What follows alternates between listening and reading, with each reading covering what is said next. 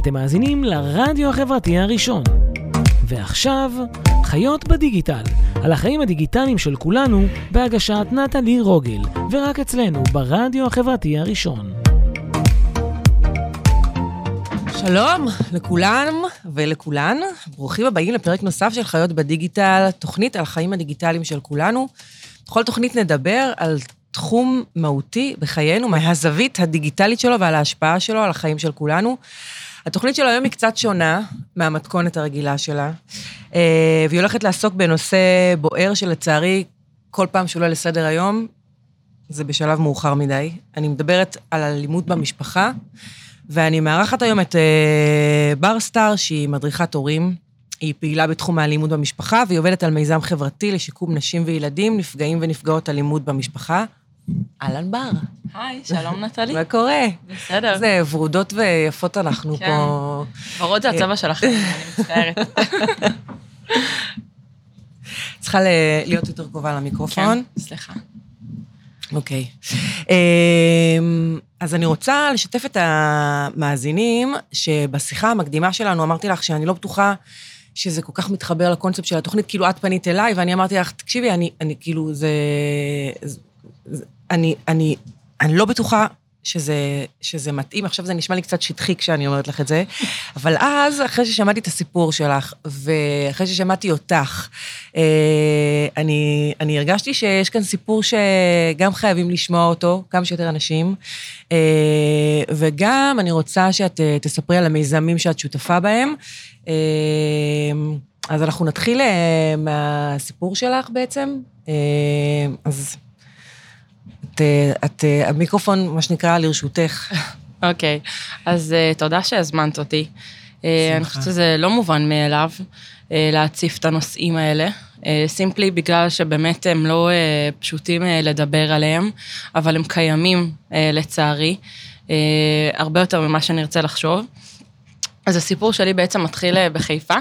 אה, נולדנו בחיפה, וככה גדלנו אה, בבית, גדלנו זה אומר אני ואחותי, שהיא צעירה ממני בשנתיים. גדלנו בבית רווי אלימות מצד אבא שלי. כל סוגי האלימות בערך שאפשר אה, להעלות על הדעת. אה, אלימות זה רווי אלימות, זה understatement. בדיוק, בדיוק, ממש ככה. אה, כאשר אני חושבת שאת יודעת, הרבה אנשים מאוד אה, מתרכזים, או ה- כאילו האימפקט של אלימות זה הפיזי, נכון? השריטות, החבלות וכולי. אני חושבת שהאלימות הכי קשה, בין שאר האלימויות הייתה האלימות הנפשית בעצם. העובדה שנרמסת לך בעצם כל תחושת הערך העצמי שלך, כל, תחו, כל הזהות שלך בעצם. את, את, בעצם את מרגישה שאת הכי קטנה, שאת לא חשובה, שאין לך בכלל מקום בעולם הזה. בעצם זה התחושות הקשות שאיתן מסתובבים ילדים וילדות שגדלים בבית, בבית כזה. אה, וזה, ודבר כזה בעצם יוצר צלקות נפשיות, שבעצם מעצבות האישיות שלך. שאת, אנחנו דיברנו על זה קצת לפני התוכנית, שזה כאילו, זה, את מרצה בבתי ספר וזה, והמספרים הם אה, הזויים, כאילו, אנחנו קצת... המספרים אה, הם נכון, המיזם למניעת התעללות בילדים, שזה מיזם אה, מדהים שאני ככה אה, אה, לוקחת חלק בו, אה, במסגרת ההכשרות, אה, בעצם העלו נתונים של אחד מתוך חמישה ילדים שעובר התעללות. זה, זה מטורף. נתון שאי אפשר לתפוס אותו אפילו. אה, ולכן... אה, אה, לכן הדבר הזה בשבילי הוא כמו, הוא לא כמו, הוא שליחות פשוט. אני בחרתי לעזוב, הייתי, עבדתי בהייטק כמעט אה, עשר שנים, כאשר באמת נתן לי כל יום, במשך העשר שנים האלה, אני אומרת לבעלי, אני, אני, זה לא הייעוד שלי, יש לי ייעוד גדול יותר, אני, אני יודעת שאני אה, צריכה לעזור לאנשים, אני עוד לא יודעת באיזה מתכונת. וואלה. ובאמת, אה, בעקבות, בעקבות הלימודים שלי במכון אדלר, כמנחת הורים, זה היה זה משהו שהתחלת לעשות אותו בלי, כאילו בלי קשר, עבדת בהייטק, החיים שלך היו יפים, היה לך אה, זה, תן ביס. נכון, טנביס וסיבוס וכל התנאים ולגמרי, אבל אה, הייטק זה חשוב, ואנחנו אה, מובילים בהייטק, אבל אני חושבת שאם זה לא הייעוד שלך, אז תעשה מה שבאמת עושה לך טוב, או עושה לך טוב.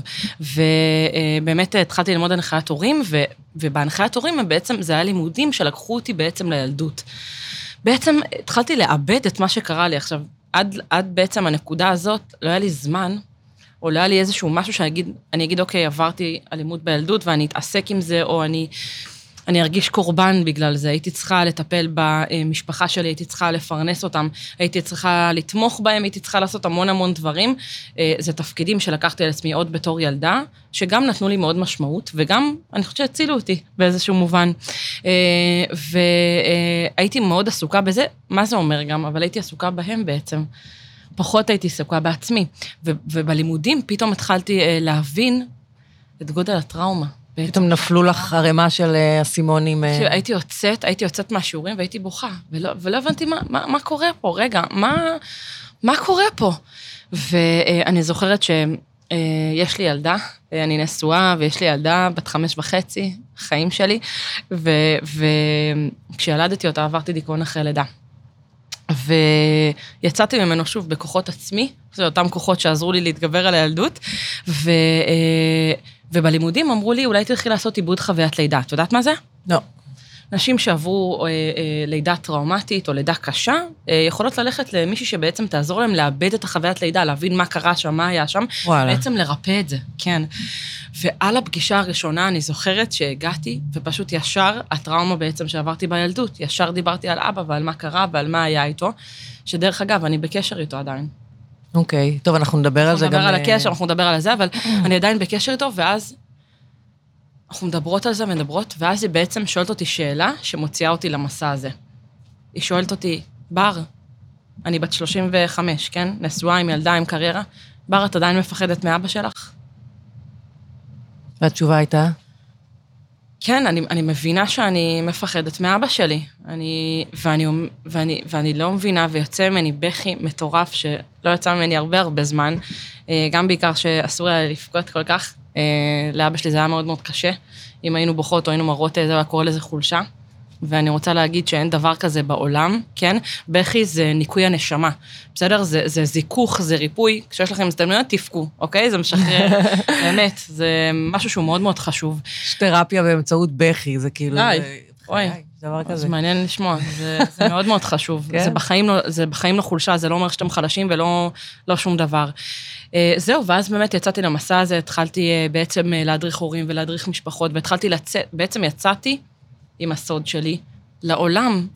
אה, ואני זוכרת כן, ש... כי עד אז היה סוד, לא, לא דיברת על זה עם אה, אף אחד, חברים, חברות. זה היה סוד לחלוטין ששמרתי במשך הרבה מאוד שנים. והסוד הזה הוא בעצם, הוא, הוא גרם לי להיות חולה. הייתי חולה הרבה, המערכת החיסונית שלי נפגעה, את תסמינים של פוסט-טראומה מורכבת בעצם, זה מערכת חיסונית חלשה, זה כאבי בטן. עברתי שתי ניתוחים בבטן. היה לי כאבי בטן כרוניים, בעצם למה? בגלל כל האנרגיות שהלכו לשמור על הסוד הזה. זה מטורף, אתה לא מבין את זה. מטורף. אני מדברת הרבה בהרצאות שלי על הקשר בין גוף ונפש. אם הנפש שלנו מיוסרת, אם הנפש שלנו עוברת משהו, זה בהחלט מתבטא בגופני. אה, ו, אה, ובעצם אה, בעצם יצאתי עם פוסט שנהיה ויראלי, ובעקבות הפוסט הזה פנו אליי כל כך הרבה נערות ונשים, ואני אפילו, אני מצטערת להגיד את זה, אבל אפילו חברות, וסיפרו לי מה הם עברו בילדות, ו, ותודה שאת מדברת בקול שלנו, תודה שאת מספרת את הסיפור שלנו. שפשוט הזדעזעתי, אני, אני, תפ... אני כזה, היה לי יום-יומיים שאני רק כאילו מקבלת... צריכה לאבד את כל הדבר הזה. ממש, זה היה מטורף. ואז החלטתי שזה הייעוד שלי, הנה, פה, זה, זה אני, זה מה שאני, אני בעצם הקול של אותם ילדים שקופים. ואני מרכיבה הרצאה שנקראת לנצח את אבא. ואת יודעת, הרבה שואלים אותי, מה, מה זה אומר לנצח את אבא? מה... אז קודם כל אני אגיד שהשם הזה בעצם מורכב מ... אני ואבא שלי, היו לנו יחסים מאוד מאוד, כמובן בעקבותיו, כן, כי הוא המבוגר האחראי, יחסים מאוד תחרותיים. הוא כל הזמן היה אה, משפיל אותי, והוא היה אומר לי שהוא הרבה יותר טוב ממני. בואו ניקח את זה קצת יותר, ברמה יותר למעלה, שגברים באופן כללי הם יותר מנשים. Okay. אוקיי. עכשיו, איך זה להיות ילדה קטנה שגדלה בתוך הדבר הזה כל יום, כל הזמן, כל השנים האלה? אני, אני זוכרת שכל ניצחון שלי, נתתי, כל ניצחון אישי שלי, כמו אה, להיות בצבא. זה הדברים הכי איזה, כמו לקבל תעודת הצטיינות. כמו אה, אה, ללמוד אה, באוניברסיטה. זה כל... כאילו מבחינתך פריצות דרך מטורפות. כן, והייתי אומרת לו, אבא, אתה רואה? זה בניגוד לכל הנה, מה ש... הוא כל הזמן אומר את לא תצליחי, את לא תזה, ואז כל פעם הייתי חוזרת, הנה, אתה רואה? הצלחתי. הנה פה, התקבלת, כאילו, כזה. אה, אז זה דרבן אותי, אבל, אבל אני מודה שאני נדירה בנוף הזה. כי המון המון המון ילדים נשברים ונשים ואמרתי לך, זה, זה אני חושבת שהמסע הכי קשה לסחוב על הכתפיים, שכל הערך העצמי נרמס לחלוטין, אין לך זהות, את הולכת בעולם, הייתי הולכת, בעולם, כאילו מרגישה שאין לי מקום בעולם הזה, ואף אחד אף פעם לא יבין אותי. זו הרגשה של בדידות מאוד מאוד עמוקה. אמ, אז, אז זה ככה ממש על קצה המזלג, ואנחנו כנראה אנחנו... נחפור קצת יותר, כן? אה, את רוצה אולי לשאול? אני רוצה, אז זהו, אז אני רציתי, אני רציתי אה, אה, שתספרי על ה... יש לך, אה, את שותפה בפרויקט שנקרא הופ לנשים וילדים בסיכון. לא שותפה, אני מייסדת שלו. מייסדת, אה, כן, מייסדת כן. הפרויקט הזה, אז אני רוצה שתספרי, שתספרי למאזינים עליו. זה משהו שמאוד קרוב לליבי, כשבעצם בגיל עשר הוברחנו בעזרת הרווחה למקלט לנשים גיבורות. בסדר? Okay. אוקיי. אה, זה מאוד מאוד חשוב הטרמינולוגיה, שינוי שיח מוביל לשינוי מדיניות, מוביל לעיצוב תרבות, אוקיי? ואני רוצה יותר מזה, כאשר אני קוראת לאותם נשים וילדים מוכים, מה, מה אני בעצם גורמת להם? אני גורמת להם עוול ענק. אני עד היום מתחלחלת אם קוראים לי ילדה מוכה. איזה מוטיבציה תהיה להם אם אני ממשיכה לקרוא להם ככה, ואנחנו כחברה ממשיכים להקטין אותם? איזה? יפה, ולכן אני רוצה לספר לך אפילו על עוד מיזם שאני מובילה בכנסת עם uh, משרד הרווחה, שזה משהו שמאוד מאוד מרגש אותי, uh, שינוי השם בעצם, שינוי השם של מקלט לנשים מוכות, מדהים. לבית לנשים גיבורות. זה בהחלט מה שהן. אימא שלי, ככה אנחנו הוברחנו עם אימא שלי, והיא עבדה מאוד מאוד קשה, ושיקמה את החיים שלה, ושיקמה את החיים שלנו. צריך המון המון כוחות לצאת מהמקומות האלה, וכשיצאנו מהמקלט בעצם, מפה אני רוצה לדבר על המיזם, שנקרא פרויקט הופ, זה בעצם, היינו לבד לחלוטין. אוקיי? ואימא שלי לבד, בלי משפחה, בלי עזרה, בלי תמיכה, בלי לימודים אפילו, עובדת במשק בית, מנקה חמישה בתים ביום. נכון, אנחנו היום כזה, יואו, אין לי כוח עכשיו עם הכביסות, אין לי כוח עכשיו עם הבית. היא נקטה חמישה בתים ביום, אוקיי? כדי לפרנס אותנו. והיא הייתה לבד לחלוטין, וטורטרה כל הזמן, ואני רוצה להגיד, אחרי, אבא שלי נכנס לכלא, כשאנחנו הוברחנו, אבא שלי נכנס לכלא על אלימות במשפחה ומעשים מגונים. ו... אמ, ובתקופה הזאת, איזה שנה אחרי שיצאנו מהמקלט והתחלנו לאט לאט לשקם את החיים, בית המשפט מצא אותנו וגזר עלינו לשלם חובות בסדר גודל של שתי מיליון שקלים. מה? מאבא שלי. חובות שלו. כן, חובות של אבא שלי. בדיוק. אוקיי, מה... כשאני אומרת את זה, אז זה בדיוק התגובה בהרצאות. כן, כאילו, מה... רגע, אתם, אתם רגע, אתם עוברים... לא הבנתי. ואז, ואז עוד מכה נופלת עליכם? כן, ככה בדיוק. אז פה נכנס הפרויקט הזה. בעצם מתוך, מתוך זה שראיתי את אימא שלי, מתוך החוסר אונים שהרגשתי, השופטת פשוט אמרה לה, באותו, באותו מקרה, העורכת דין אמרה לה, אבל זאת אישה שבעצם הייתה במערכת יחסים אלימה, הבעל בכלא, כאילו, איך זה בכלל קביל? היא הייתה בגירה, ככה היא אמרה לה. היא הייתה בגירה. אז... אה, אה, אבל, את, אבל אתן לא. אתן הייתם קטנות. אנחנו לא, אבל זה בעצם אימא שלי. גזרה על אימא שלי חובות של שתי מיליון שקלים. ו, ואימא שלי, באמת, אני... אין לי מילים שעזרו לי לתאר את הכוחות שלה ואת כמה היא דאגה לנו וכמה היה חשוב לה אה, החיים שלנו, באמת. ואז הפרויקט נולד מתוך המקום הזה, שראיתי איך היא מטורטרת בין בתי המשפט, איך אף אחד לא... לא רואה אותנו, לא מקשיב, לא מבין מאיפה הגענו ומה זה, זה גורם בעצם. אז הפרויקט הזה הוא בעצם מרכז שבעצם עוזר לנשים וילדים שיצאו מהמקומות האלה, ועכשיו הן צריכות לחזור לחברה, נכון? אוקיי. Okay. אז הוא בעצם עוזר להם לחזור לחברה, להשתלב, ואיך הוא עושה את זה? אישה במצב הזה חייבת, חייבת, זקוקה אה, לליווי רגשי. רגע שנייה לאבד את הטראומה, שנייה להתרפא, שנייה להתחזק, אוקיי? ליווי משפטי, הרבה פעמים הן נמצאות במשפטים מול אותם אה, אה, בעלים מתעללים. אה, ליווי תעסוקתי, רגע, בוא נראה מה, מי, אני רוצה לעזור לך למצוא את הפוטנציאל. עד עכשיו אמרו לך שאין לך פוטנציאל, הקטינו אותך, את באת... גם לא היו לך הרבה אופציות, כאילו, גם זה מעבר לזה שהקטינו אותך, אה, כאילו, מה, מה היו האפשרויות שלך בעצם? נכון. מלחמת הישרדות יומיומית. נכון. אוקיי. בדיוק. מדהים. אה, ליווי כלכלי. בואי, האנשים האלה הרבה פעמים זה תחת אלימות כלכלית. גם אנחנו, אם היינו ברחוב עם אבא שלי, חיינו ברחוב שלושה חודשים, כי הוא הפסיד הכל. אז הן הרבה פעמים נמצאות במצב... ארבעתכם, משפחה, שתי כן, ילדות? כן, משפחה, ברחוב. שתי ילדות, כן, היינו ברחוב, ואז בערב היינו ישנות במוזיאון, שהוא, שהוא עבד בו כשומר לילה. ואז אז ממש לעזור להם להבין מה זה הכלכלה, איך אה, כלכלת המשפחה, לעזור להם לקלקל את הילדים שלהם ואת עצמם בכבוד, וליווי שמבחינתי הוא מאוד מאוד משמעותי, שזה בביטוח לאומי. לעזור להם להבין שהן יכולות לקבל הכרה, אוקיי?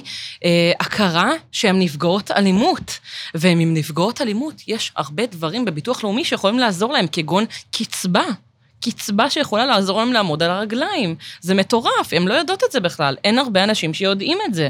אז הנה, אני פה ל, אה, ל, ל, גם להרים את המודעות, להגיד את זה, ולאט לאט לפתח את המרכז הזה, עד שהוא יהיה קיים ויתחיל לעזור לנשים וילדים. את יודעת, אני, אני רואה את זה, אני אעזור ל, ל, לשקם את הנשים האלה, ואז בעצם מה אני עושה? אני מבטיחה את דור המחר, כדי שהילדים האלה יגדלו ויבינו שהם משהו.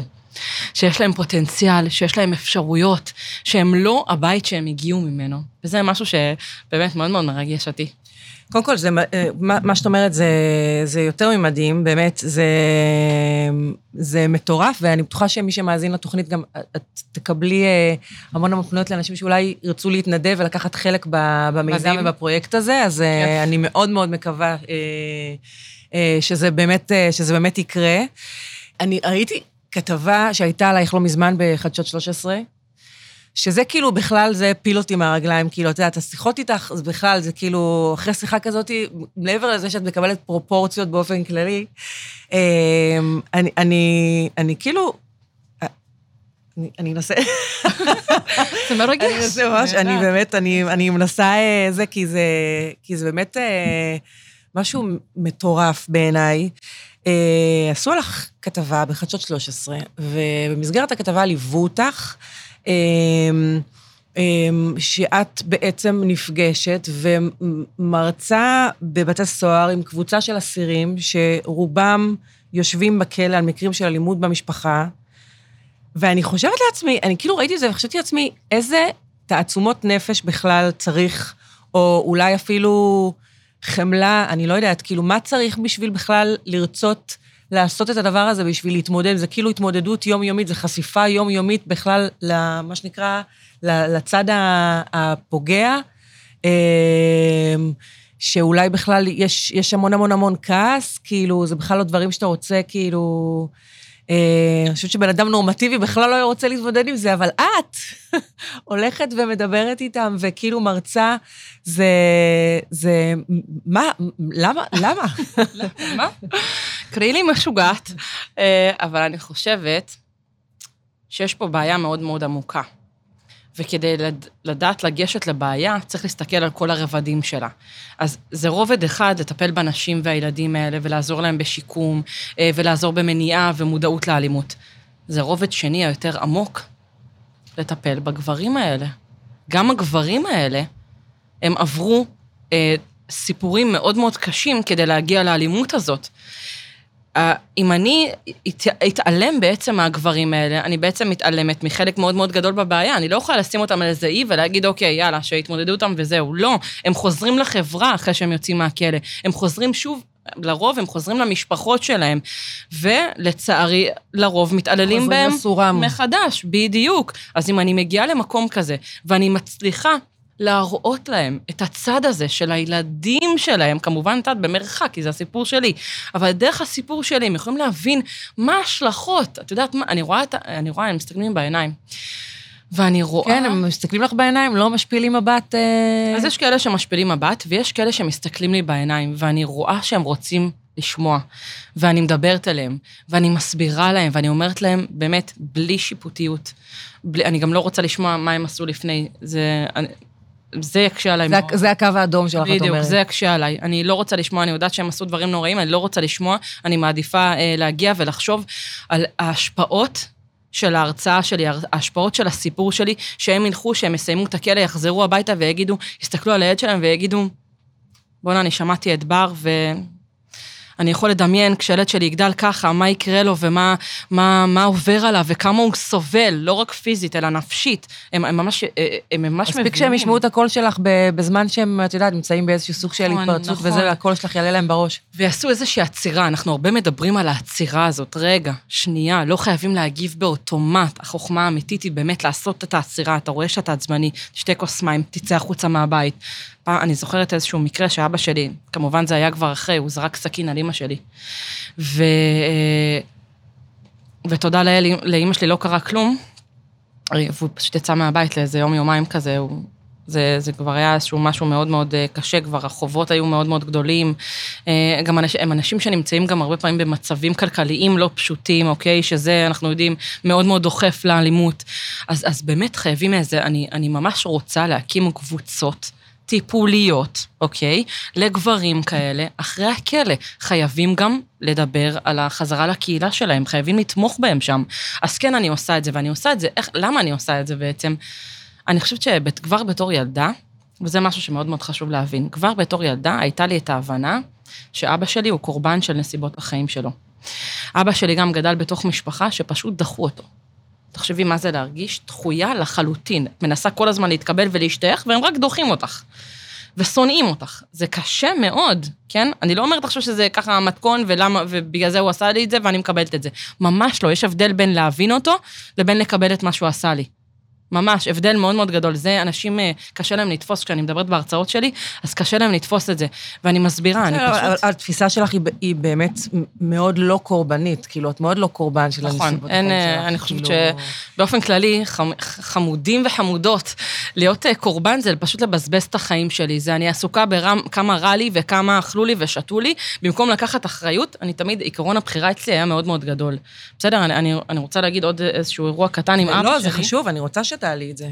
אמ, אז אבא שלי, כשהוא השתחרר מהכלא, מערכת הרווחה, בעצם החליטו להחזיר אותו להיות בקשר איתנו. מדהים. מדהים מאוד. אוקיי. אני בת 12, אחותי בת 10 וחצי, ועכשיו מספרים לנו... אבל יש בתי קשר כאלה, לא? שנפגשים היום, היום, לפני 20 שנה, לא היה. לא היה. נכון. אז מה, הוא בא אליכם הביתה? בא אלינו הביתה. בדיוק. וואו. ואני, אנחנו, את מספרים את ההחלטה הזאת, ואני לא יודעת מה, מה להגיב, ואז אה, הוא הגיע לבקר, ובביקור הראשון שלו בעצם, אה, הוא ביקש שאני אלווה אותו למטה לתחנת האוטובוס. רק אני. עכשיו, אחותי הייתה קטנה מדי, הוא בקושי התעסק איתה. גם בבית, הוא בקושי התעסק איתה. בסדר? אני... ילדים במצבים האלה גדלים עם אסטרטגיות, אוקיי? בתת מודע. אני בחרתי באסטרטגיה של להתעמת מולו ולדבר איתו ולהעמיד אותו במקום כשיכלתי, או לתמוך בו כזה, ואת יודעת, כזה לרכך אותו. ואחותי בחרה באסטרטגיה של להיעלם, להיות כמה שיותר קטנה, שהוא לא ייגע בה. אוקיי? זה אסטרטגיות שגדלים בבית כזה, אוקיי? כן. ואני מלווה את אבא שלי. גם מאוד תלוי במבנה האישיות שלך, את יודעת. נכון, נכון, זה ממש על פי המבנה האישיות, ככה האסטרטגיה מתעצבת. ואני מלווה את אבא שלי במדרגות, ואלה היו דקות מאוד מאוד גורליות, ואני ממש חושבת שהוא רוצה לפגוע בי. דרך אגב, העדות שלי בבית המשפט הייתה מאוד מרכזית בלהרשיע אותו. אמ, שוב, הרבה ילדים במצבים האלה לא מדברים, אני מאוד מאוד דיברתי. אמרתי הכל, כי ידעתי שזה מה שיעזור לנו. והוא מלווה אותי, אני מלווה אותו, ואני חושבת שהוא הולך לפגוע בי, ואני ממש מפחדת, ואז בעצם אני רואה, עוברות עוד כמה דקות, ואנחנו מחכים לאוטובוס, והוא לא פוגע בי פיזית. מה שהוא עושה, הוא בעצם משליך עליי את כל מה שהוא עבר בכלא, את, בעצם מה הוא אומר לי? הוא מספר לי את הנרטיב שלו, את הסיפור שלו. הוא בעצם מספר סיפור כזה שהוא... כרגע דיבר... מתמקד רק בעצמו. ברור, מאז ומתמיד. אמ, אבות כאלה לרוב הם אה, תכונת אישיות נרקיסיסטית בעצם, מאוד מרוכזים בעצמם. ואז בעצם הוא, הוא אה, מדבר על איזה גיבור הוא היה, כי הוא דיבר שטויות בבית המשפט בכוונה, שאנחנו נלך עם אימא שלי ולא ניפלט למערכת הרווחה. אז הוא בעצם, בעיני רוחו... הוא פעל לטובתכם בעצם. כן, הוא הציל אותנו, אוקיי. בדיוק. ואז, הנה הבחירה. אני מסתכלת עליו, ואני יודעת, ואת יודעת, ויש לי בחירה, או לא להגיד... לא יודעת אם לצחוק או לבכות, כאילו, מה... להגיד לו, תגידי, אתה, אתה נורמלי? כן. אתה, אתה מסתכל לי בעיניים ואתה אומר לי דבר כזה? את יודעת, אין להם בושה הרי. זה נרקיסיזם, אין בושה. אה, כי הם באמת מאמינים לזה. ובחירה שנייה, אני אומרת, אני, אני אומרת, אוקיי, תודה אבא שהצלת, וזה, מה, מה את חושבת שבחרתי? לתת לו בראש. לתת לו בראש? לא, לא חיים שלי. בחרתי אותה אסטרטגיה של בעצם לשמור עליו קרוב, אוקיי? לשמור את האויב שלך קרוב, זה אומר ממש אה, להגיד לו, אבא, אתה צודק, אתה ישבת על לא עוול בכפך, כי עכשיו יצא בן אדם מהכלא. אוקיי? עכשיו, אני הייתי ילדה מאוד חכמה, הבנתי את זה פשוט. פחדתי גם מה, מהנקמה שלו. יצא בן אדם מהכלא, הוא יודע שאני העדתי בבית משפט, הוא יודע שהוא נכנס כביכול בגללנו.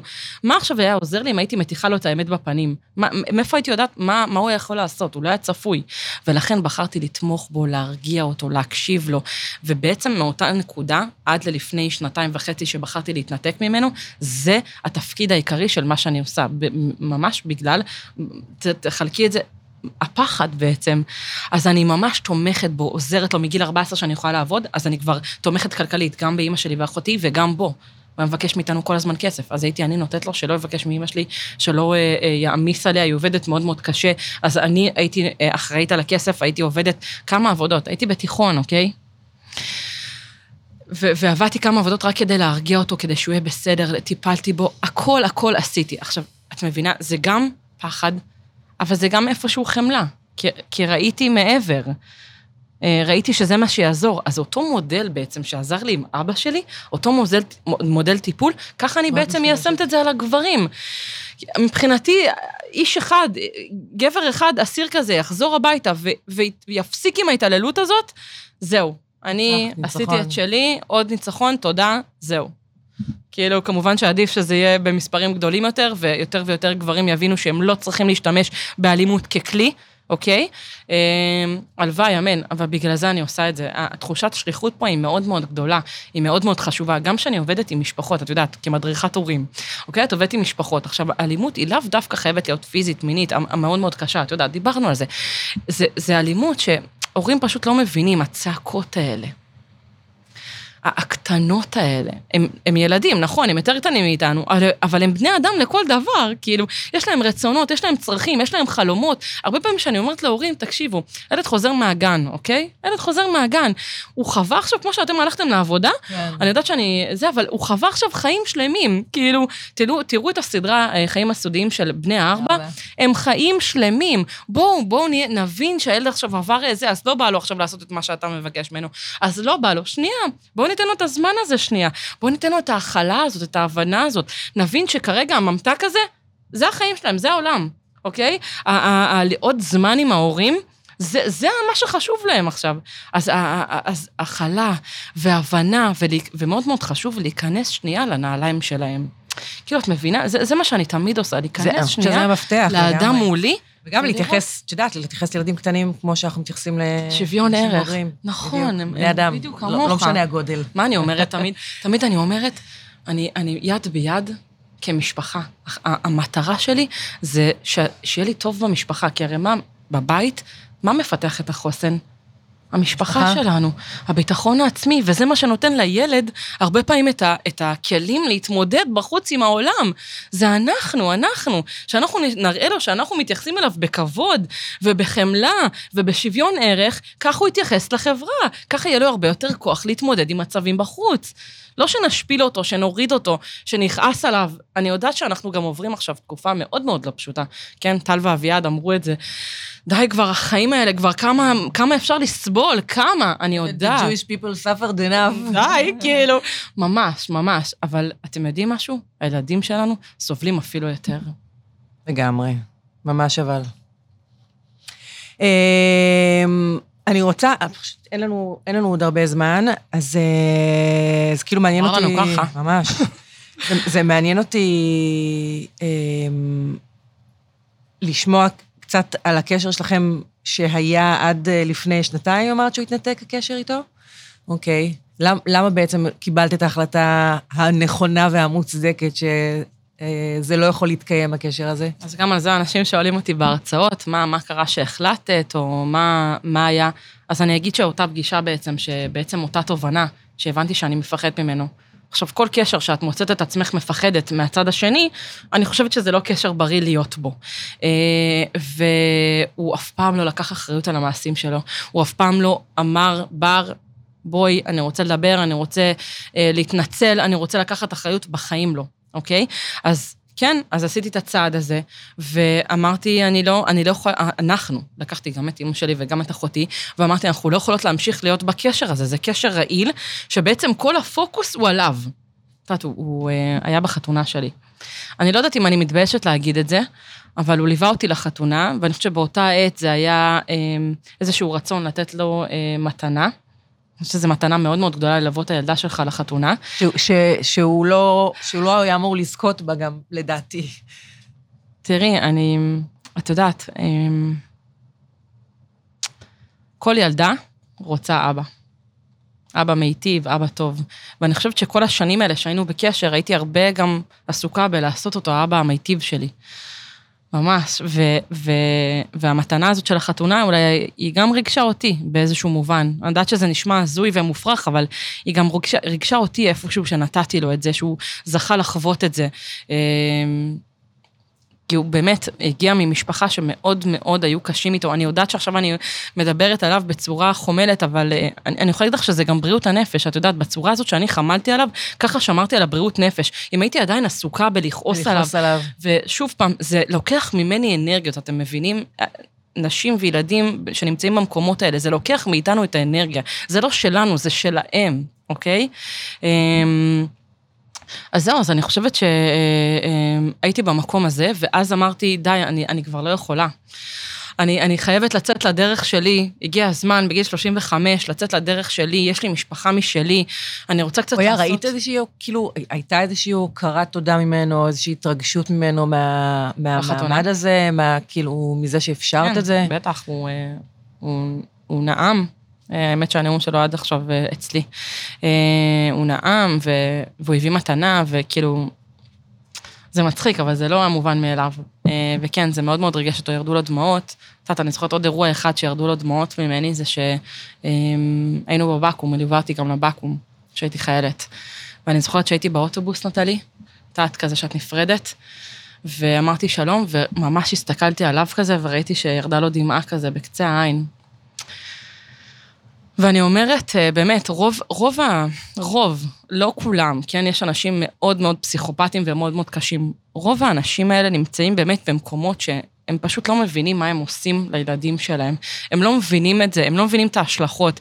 הם כאילו, בזה שלהם הם אוהבים אותם. הם אוהבים. אבא שלי אוהב אותי במובן מסוים, אוקיי? הוא לא יודע מה זה, הוא לא יודע מה זה להיות אבא, כי אף פעם לא היו, לא הורים מיטיבים, אז הוא לא ידע מה זה, ולכן אני חושבת, הייתה חשובה החמלה שלי, את יודעת, כדי ל... גם הוא הפסיק עם האלימות, נטלי. אז איפשהו זה גם היה ניצחון שלי. הראיתי לו שאפשר לחיות בלי האלימות הזאת, שזה, שזה עושה טוב כשהוא לא אלים אלינו, כשהוא לא כועס עלינו. אז הוא הבין את זה במהלך השנים. אני חושבת שהוא צריכה להיות לו הבנה הרבה יותר גדולה לגבי כל הדברים שהוא עשה ואיך שהוא התנהל, אבל איפשהו זה, זה כן הפסיק את זה, אז אני חושבת שאם נהיה במקום הזה באמת, של באמת להבין את הגברים האלה, כמה שזה קשה, אני יודעת, שוב, לא לקבל את המעשים שלהם, להבין מאיפה הם באים ולעזור להם, לעזור להם, אנחנו פה נציל את החברה שלנו, כי אמרנו, זה אחד מתוך חמישה ילדים עובר את זה. זה המון המון אנשים, זה המון גברים כאלה שאין להם את הכלים, וסליחה, זה, הם לא רק נמצאים במקומות כלכליים קשים, אלא זה אנשים ש... הנה, ראינו עכשיו אותם כל הזמן עולים לכותרות, אנשים מפורסמים, אנשים בעמדות מפתח. סליחה, זה לא מדובר רק ממצבים קשים, הם על כל שכבות האוכלוסייה, וזה מאוד מאוד חשוב להבין את זה. בר, את מדהימה, אין לי מה להגיד, באמת, אני כאילו ספיצ'לס מולך. אה, אני... זה נדיר, חברים. אני, אני מפנה אנשים לעמוד פייסבוק של בר ולעמוד אינסטגרם שלה. אה, אפשר לפנות אליה ולשאול אותה ולהתייעץ איתה, אה, וגם אולי לעזור ולקחת חלק בפרויקט המושלם שלך. ולהזמין הרצאות לנצח את אבא וסדנאות זיהוי ילדים שקופים. זה משהו שהוא מאוד מאוד חשוב לי. הייתי ילדה שקופה, ואם נדע לזהות את הילדים האלה ולתת להם מענה כמו שצריך, אנחנו פה הצלנו את דור המחר, חברים. חד משמעית. תודה רבה. תודה, תודה, נטלי. אה, אנחנו נשתמע בעוד אה, שבועיים בתוכנית נוספת של חיות בדיגיטל. תשמרו על עצמכם, רק בריאות. יאללה, ביי.